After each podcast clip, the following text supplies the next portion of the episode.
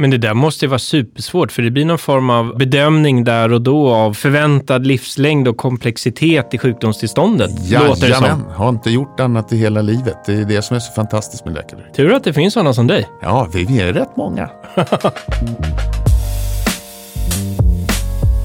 Från vården.se, det här är Staffan Gustafsson. Välkommen till Utforska vården med Dr. Mikael.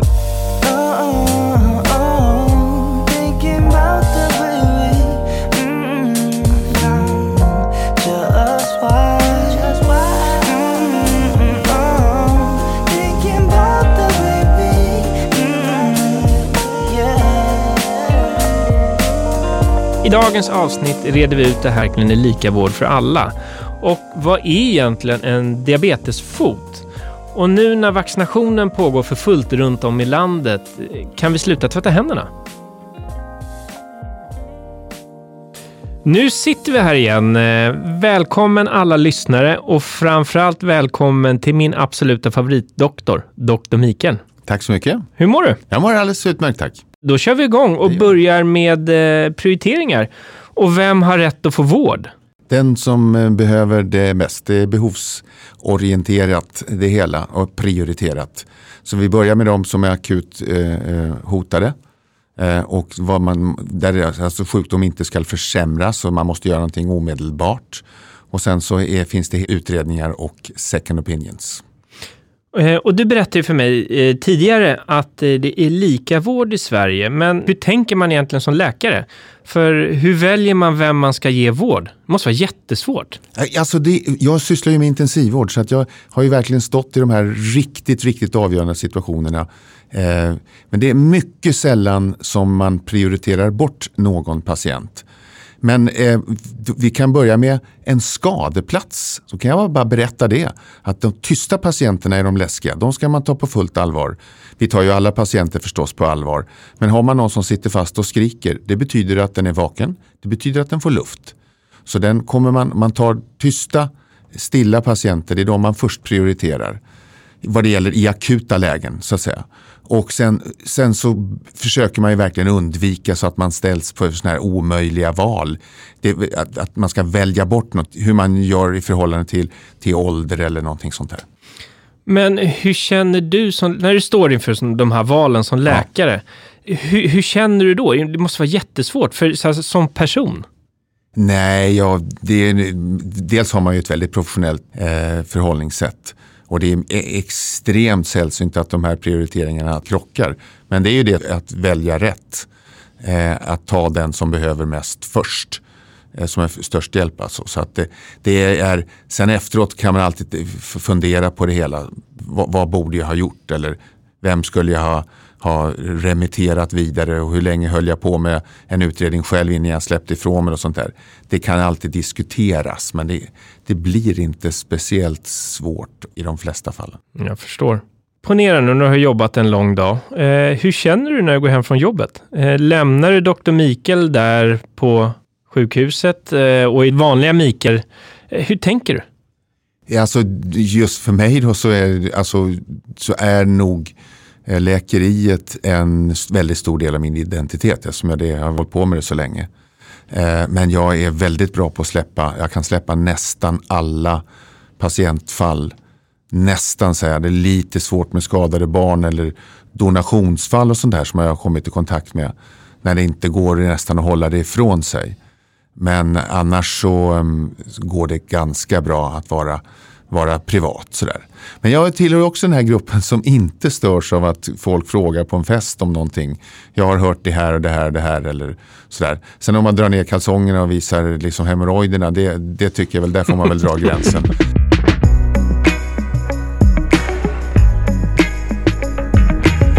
det, det li- lite läskiga skälet till att jag gör det är därför att många gånger är det ju en kommunikationsbrist. Min doktor sa det här. Att, eh, röntgen visar ingenting. Jaha, slog de inte på maskin eller vadå? eh, ja men alltså, det, och, och man, har, man har inte förstått. Det visade ingenting. Jo, men det var just det det gjorde. Det visade att det inte fanns en cancer i bröstet. Och det betyder inte att det inte visar. Ja, men han sa att det inte var någonting. Gång på gång så påvisar man det här med kommunikationsbristen mellan doktor och patient. Och den vill jag gärna vara med och överbrygga. Intressant. Nu, sen vi såg sist har vi varit flitiga. Ja. Eh, Så att vi har ju nu gjort en eh, nationell undersökning där vi har frågat eh, tusen personer från Ystad till Haparanda mellan 18 till 95 om deras inställning och eh, kunskap om vårdsystemet. Och det här har vi gjort då för att vi ska få reda på vad man inte har koll på och eh, vad man är intresserad av och vad man faktiskt vill veta mer om. Och eh, du har ju en viktig del i det här, Dr. Mikael, för det är ju du som hjälper oss att svara på de här frågorna och reder ut begreppen. Hur känns det? Ja, det låter spännande. Det är, jag vet inte riktigt vad det här innebär, men jag vet ju en hel del om vården och hur folk tycker och tänker om den. Så vi ska, det ska nog lösa sig. Ja, håll i det, då kör vi. Ja, det gör vi. Ja. Och i vår undersökning, då, den här nationella undersökningen, så har det visat sig att hela 32 procent, alltså nästan en tredjedel av alla vill lista om sig. Eh, De vill alltså byta vårdcentral. Vad säger du om det? Eh, Det var ju dystert. Då är man alltså inte nöjd. Väldigt viktigt då att ta reda på varför man vill lista om sig. Vad är problemet? Eh, Är det något lätt åtgärdbart eller är det någonting annat? Och he- 30 procent, det vill säga tredje person, de vet faktiskt inte hur man gör det sen.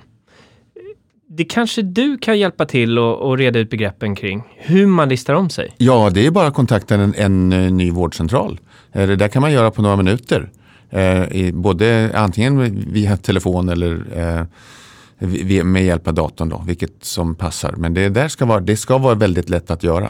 Och 23 procent eh, säger sig också inte veta när man kan lista om sig. Eh, och den frågan tänkte jag då ställa till dig. Eh, när kan man lista om sig? Är det liksom som i sport att det finns ett transferfönster eller hur fungerar det där? N- när man vill kan man göra det. Man behöver inte motivera det och man kan lista om sig när. Men det finns ju eh, ett litet problem. I, det är olika i hela landet, men på, på en del vårdcentraler och en del läkare så blir listningen full. Och men man kan inte säga att neka någon till att lista sig.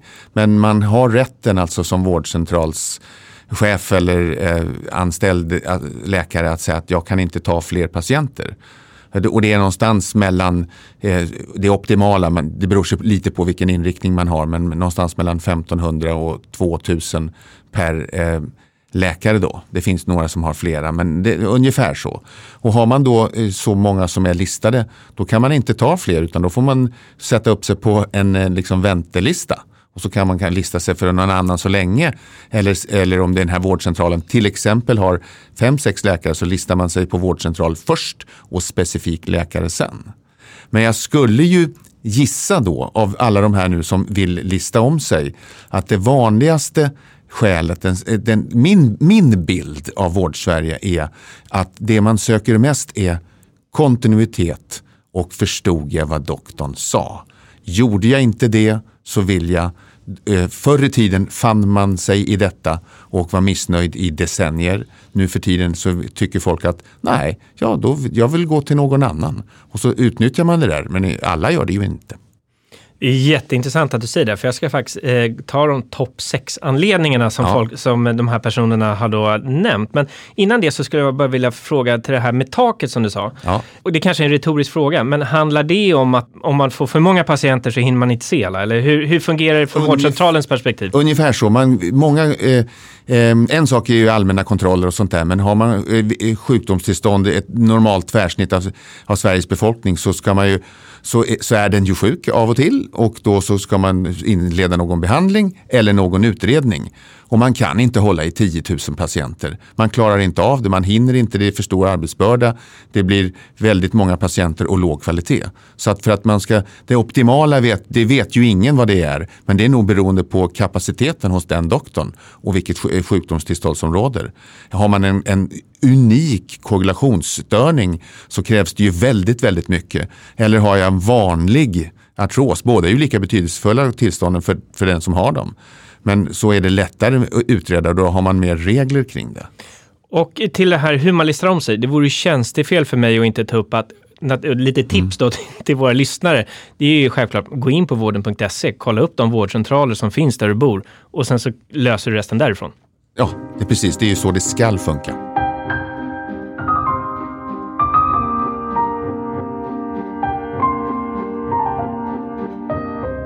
Vi frågade ju faktiskt svenskarna vad som var viktigast för dem när man väljer vårdcentral. Ja. Och det här är ju en fråga som du var väldigt tydlig med, med kontinuitet. Det vill att man ska få återkomma till samma läkare. Men vad tror du är liksom topp ett?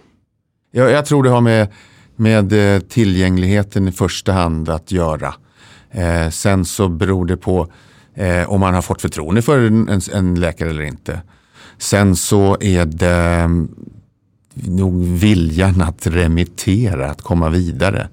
Eh, skulle jag kunna tänka mig. Nu läser jag till här Ja. så, att det, så att det blir rätt. Eh, nummer ett, den absolut viktigaste aspekten som man överväger då när man, när man väljer vårdcentral är att de har den kompetens som passar mig. Redan där kan man ju undra om, om, Vad är kompetens? om patienten ens kan bedöma det. När, nu kan inte jag sitta och bolla siffror tillbaka men det är en väldigt stor grupp människor som tror att distriktsläkare inte är specialister. Och redan där har man missuppfattat hela systemet. Jätteintressant. Eh, och det visar ju också behovet av att förklara hur saker och ting funkar. Ja. Så att man ställer rätt frågor. Ja. Och, och återigen som vi har sagt att, eh, eh, och det, får- det får vi väl liksom rekommendera folk i att kom nu ihåg att distriktsläkare och vårdcentral är specialister som gärna remitterar när de inte eh, kan eh, ha den kompetensen längre. Men man kan mycket väl ha distriktsläkare som håller ihop en utredning, som håller ihop ett sjukdomstillstånd, men man tar hjälp, enskild hjälp i speciella fall kring varianter på eh, sjukdomen. Diabetesfoten till exempel.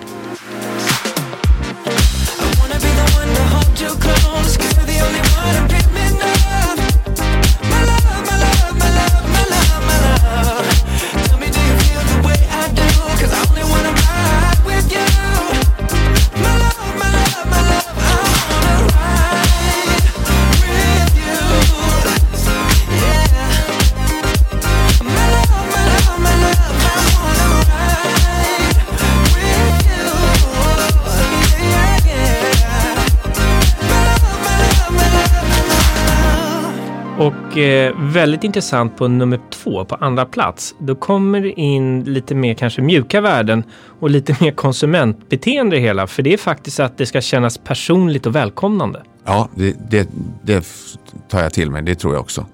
Det finns ju väldigt, väldigt kompetenta personer som är lite aviga och då eh, kan det uppstå konflikter. Och det kanske kan ha att göra med det här personligt och välkomnande. Du var inne på det lite tidigare. Det handlar ju om att förstå vad det är läkaren faktiskt säger. Ja. Och, inte, och då har vi hela spektrat och det här är saker som är känsligt och svårt att prata om som man inte får göra. Men jag förstår Olga från Ställdalen som är 84 år om hon inte förstår språket. Att man alltså inte pratar många. Eh, Hon har glömt sin latin. Ja, eller, eller att eh, vi, vi har, vi, det finns ju alltså på en hel del glesbygdsmottagningar så har man mycket vi- vikarier och alla pratar inte svenska. Och eh, på tredje plats, där kommer någon form av närhetsprincip. Tillgängligheten, precis. Ja, ja, Man gärna söker sig till en vårdcentral där, nära där man bor eller där man jobbar. ja. Och, och det är självklart. Goes without saying. Ja. Eh, och först på nummer fyra så kommer kontinuiteten. Att få träffa samma läkare. Det är spännande. Det undrar jag om det är. Eh, och jag kan inte säga emot det, men jag tror att det tilltar med ålder, kontinuitetsönskan. Eh, det är jag nog rätt säker på.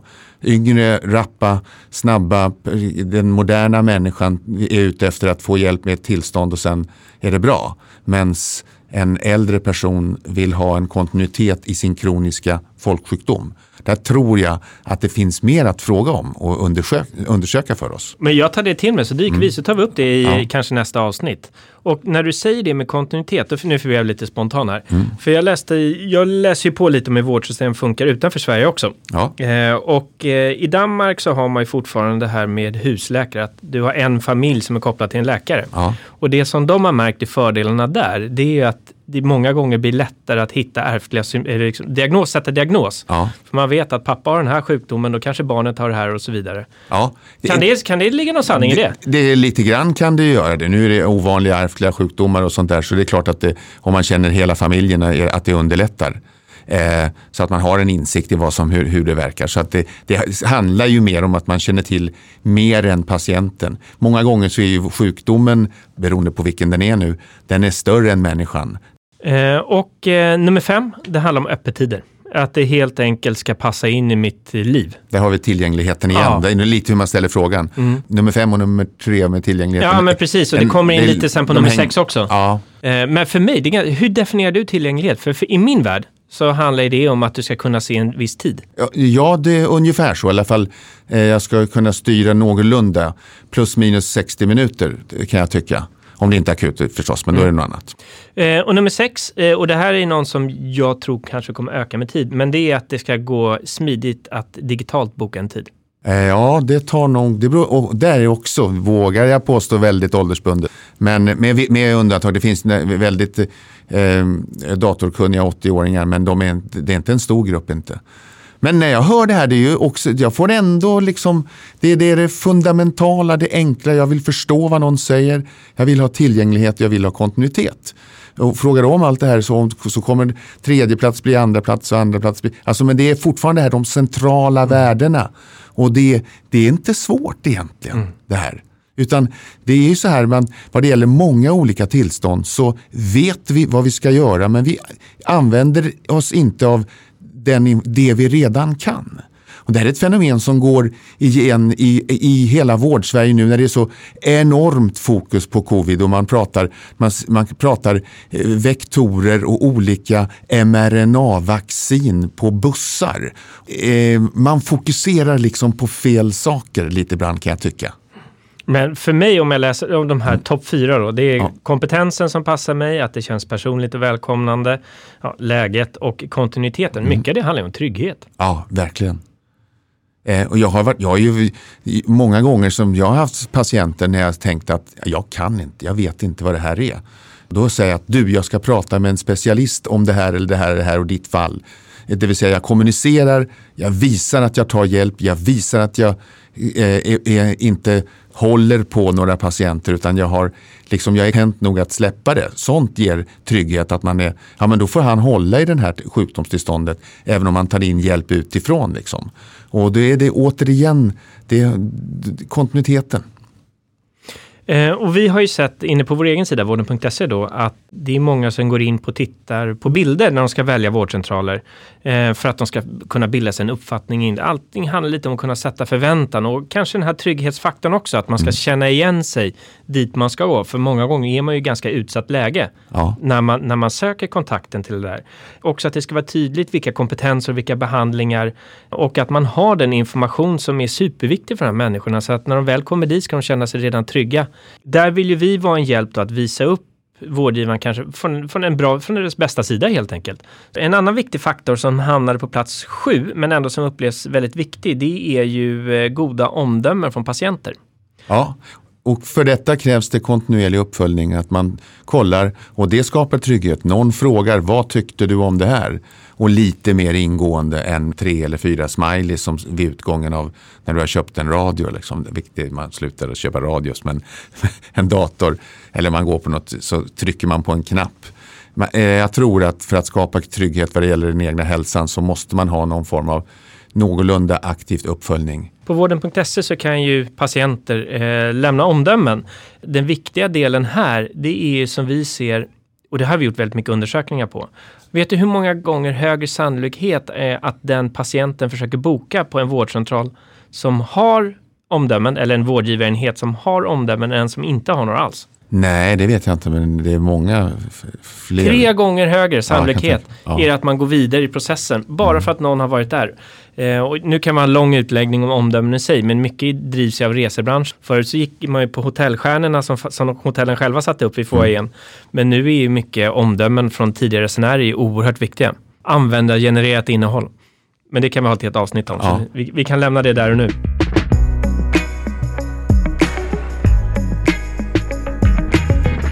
Vi har fått in väldigt många frågor om diabetes. Eh, Det är ju en folksjukdom numera. Oh ja, det är det ju helt och hållet. Väldigt många som säger här att insulin binder fett. Vad menas med det? Alltså det, det, Är det att man blir tjock av det eller? Verkligen inte. Insulin är ett eh, anabolt hormon. Vi har ju talat om anabola. Det är någonting som bygger. Insulin är bra. Insulin öppnar cellerna, öppnar dörren, låser upp luckan och skickar in socker i cellerna. Där det ska vara, inte utanför.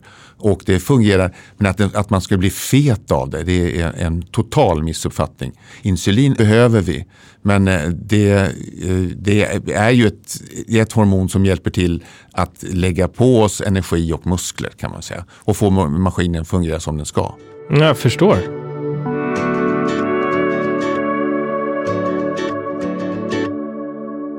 Vi har fått in en fråga här från en eh, kvinna som försöker bli gravid. Och hon skriver här, jag har diabetes och försöker bli gravid. Kommer det bli svårare för mig? Eh, ja, det är lite svårare om man har en, det beror på hur den här välskött den här diabetesen är. Men om den är en välskött diabetes, och det mäter man ju med olika blodprover, HbA1c och sådana här över tid och sen ser man att det här är en välinställd, då är skillnaden väldigt liten. Men annars så eh, det beror sig på lite vilken typ av diabetes det är. Men, eh, men är man till exempel överviktig, har en diabetes typ 2 eller något sånt där, då vet man att det är svårare att bli gravid. Så svaret till dig som har skrivit den här frågan, se till och sköt en diabetes och då kommer du förhoppningsvis gå bra. Verkligen, det är oerhört viktigt att göra det. Och nu nämnde du här typ 2-diabetes. Eh, jag vet ju själv att det finns typ 1 och typ 2. Men vad är det för skillnad? Vad, vad är de här typ? Finns det fler typer än det? Ja, det finns en, en, ett, en fem, sex, sju stycken olika. Vi får väl ta det här som ett separat inslag. Men jag kan, om, om, Ge oss hissversionen bara. Ja, hissversionen, den korta versionen är ju att i det ena fallet så är cellerna eh, resistenta mot insulinet och det blir de vid typ 2. När man, att man har höga insulinnivåer men det krävs det för att cellerna ska fungera. Typ 1 är en autoimmun sjukdom. Vi har vänt oss mot oss själva och har ingen egen insulinproduktion alls. Och eh, då kommer ju följdfrågan här på, på den här frågan var ju då om diabetes är ärftligt. Kan man ärva typ 1 eller typ 2 eller vad det Ja, det finns en, man vet ju inte vilken var någonstans och, och vilken del, är det det sociala arvet, är det som man hör att det, det, sina matvanor, eh, så eh, det, det är en viss faktor och sen är det ju det genetiska arvet också som spelar roll.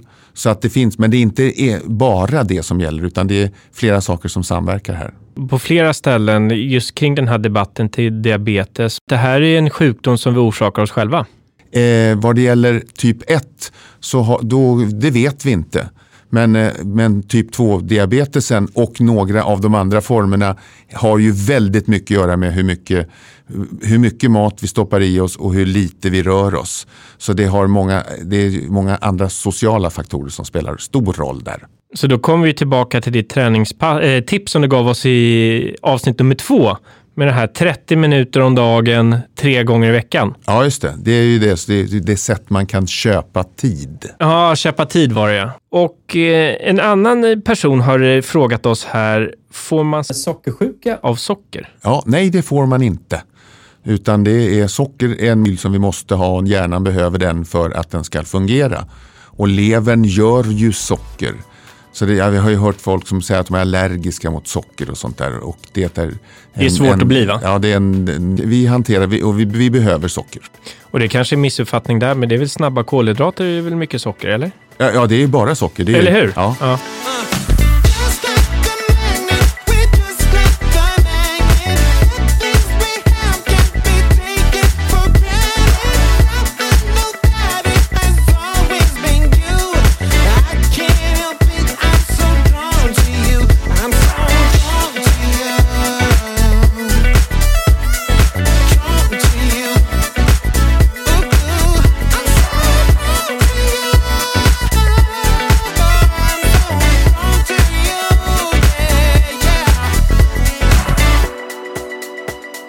En annan av våra eh, personer som har skrivit in frågor till oss eh, skriver här att eh, hon har fått dålig syn sedan eh, jag fick diabetes. Eh, det korta svaret, det här är ju, det skulle jag kunna prata i månader om. Eh, men man kan se diabetesen som en kärlsjukdom.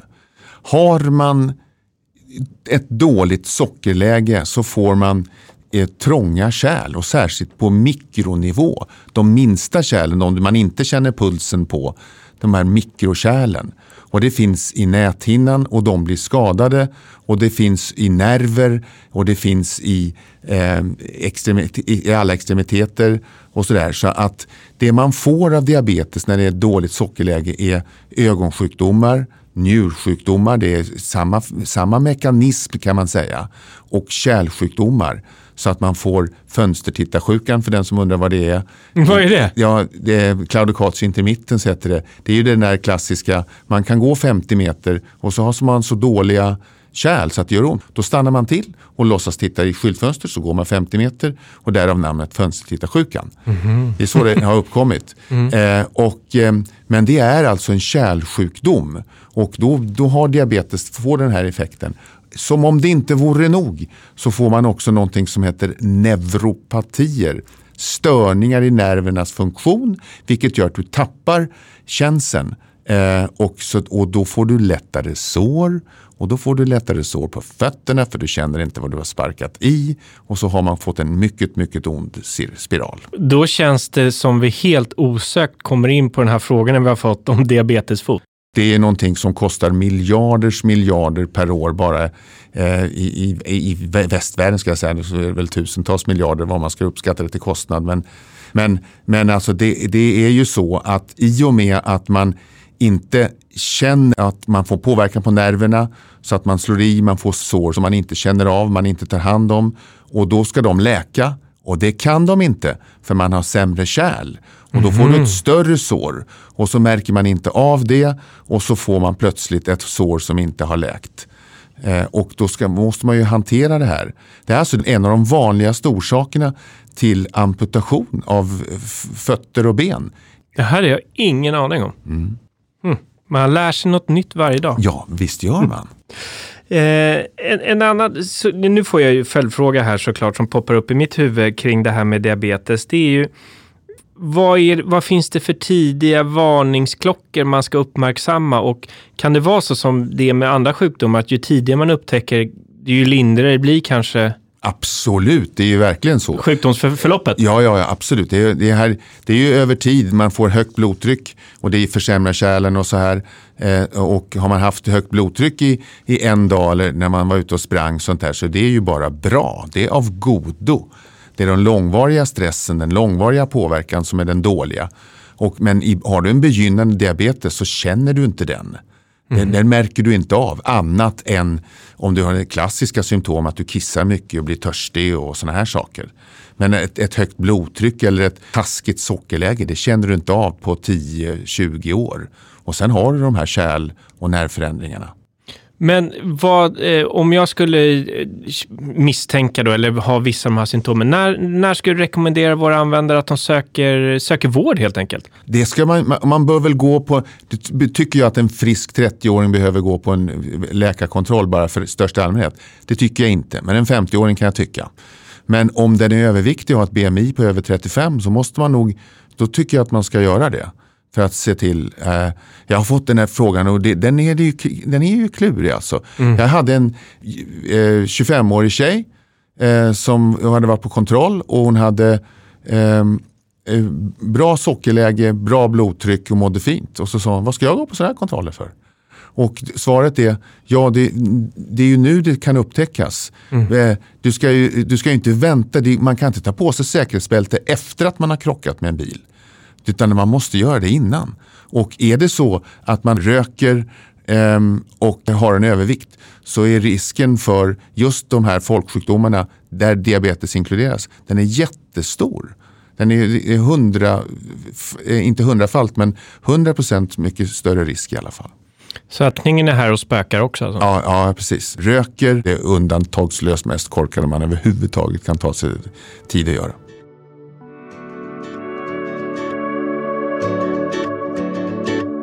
Eh, en annan fråga som jag fått in här. Eh, det är en person som undrar om det finns någon koppling mellan zinkbrist och diabetes. Nej. Finns det någon sanning där? Nej, det gör det inte. Eh, inte någon påtagligt. Eh, man kan ha en diabetes typ 2 så kanske det är så att man inte har fått i sig zink heller så mycket. Men, men det finns ingen direkt koppling mellan att har du zinkbrist så kommer du få testa. Men nu är jag nyfiken, vad är det att ha zinkbrist? Hur märker man det? Nej, det gör man Och hur inte. ter sig det? Nej, man märker inte av det alls. Nej, nej inte Nej. så. det, är, det är väldigt ospecifika symptom.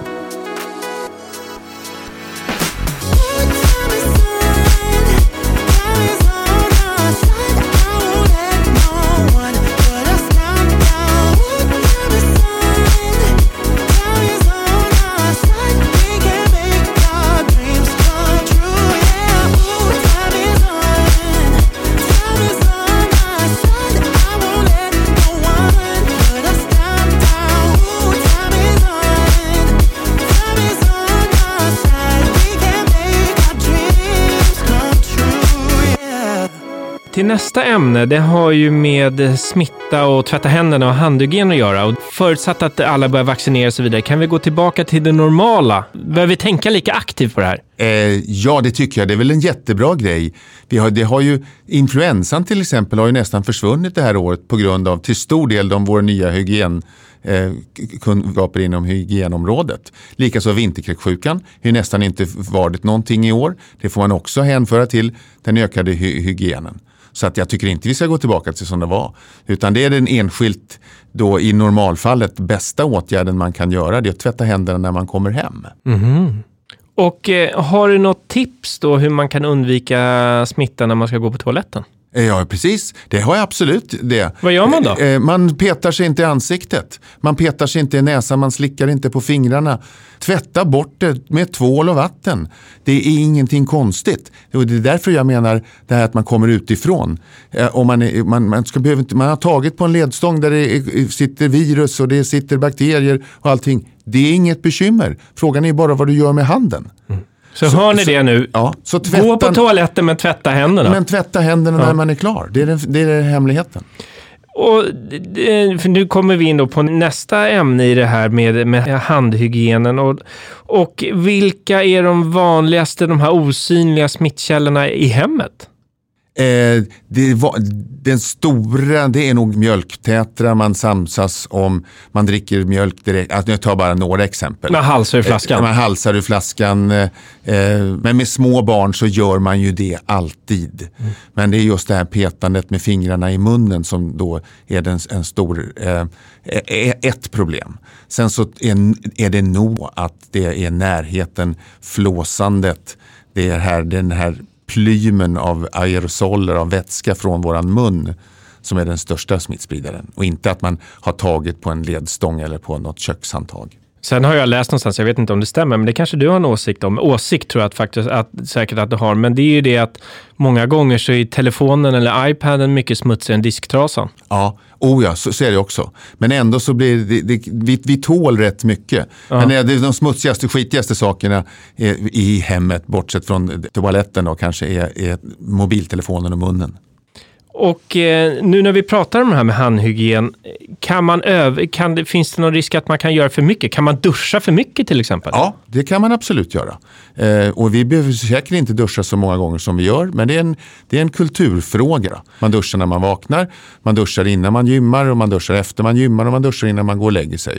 Det torkar ut huden, det tar bort det, det naturliga fettlagret och minskar försvaret. Eh, så att jag, jag tvättar ju, spritar ju mig kanske 40-50 gånger om dagen. eh, I och med att jag byter mellan patienter och sånt där. Så att det gäller till att se till att man har, kan ha mjukgörande. För annars så får, du- tar du bort naturliga fettlagret och du får som ett eksem istället. Och där trivs bakterier. Men nu är du här i egenskap av Dr. Mikael. Mm. Eh, och vad skulle du ge för riktlinjer? Hur ofta ska man duscha på en vecka? Eh, alltså efter att man har svettats, så, så, men man behöver inte duscha sig innan man går Ja, men och ur ett medicinskt perspektiv. Liksom. ett, då räcker det gott. I ett strikt perspektiv, medicinskt perspektiv så, så räcker det varannan dag lätt. Det räcker gott. Dr. Mikael, Ja, Stort tack för idag och eh, vi ses ju snart igen. Ja, det gör vi. Och eh, till alla er lyssnare, eh, tack för all den fantastiskt positiva feedback vi har fått och alla era kloka frågor. Och eh, är det något nu som eh, du funderar över, är det något som du inte håller med om? Hör av dig! Och eh, antingen då via Instagram eller gå in på vården.se. Och gör nu som Dr. Mikael säger, för det är faktiskt superenkelt att hålla både vinterkräksjukan och influensan i schack. Fortsätt tvätta händerna. Tack för idag.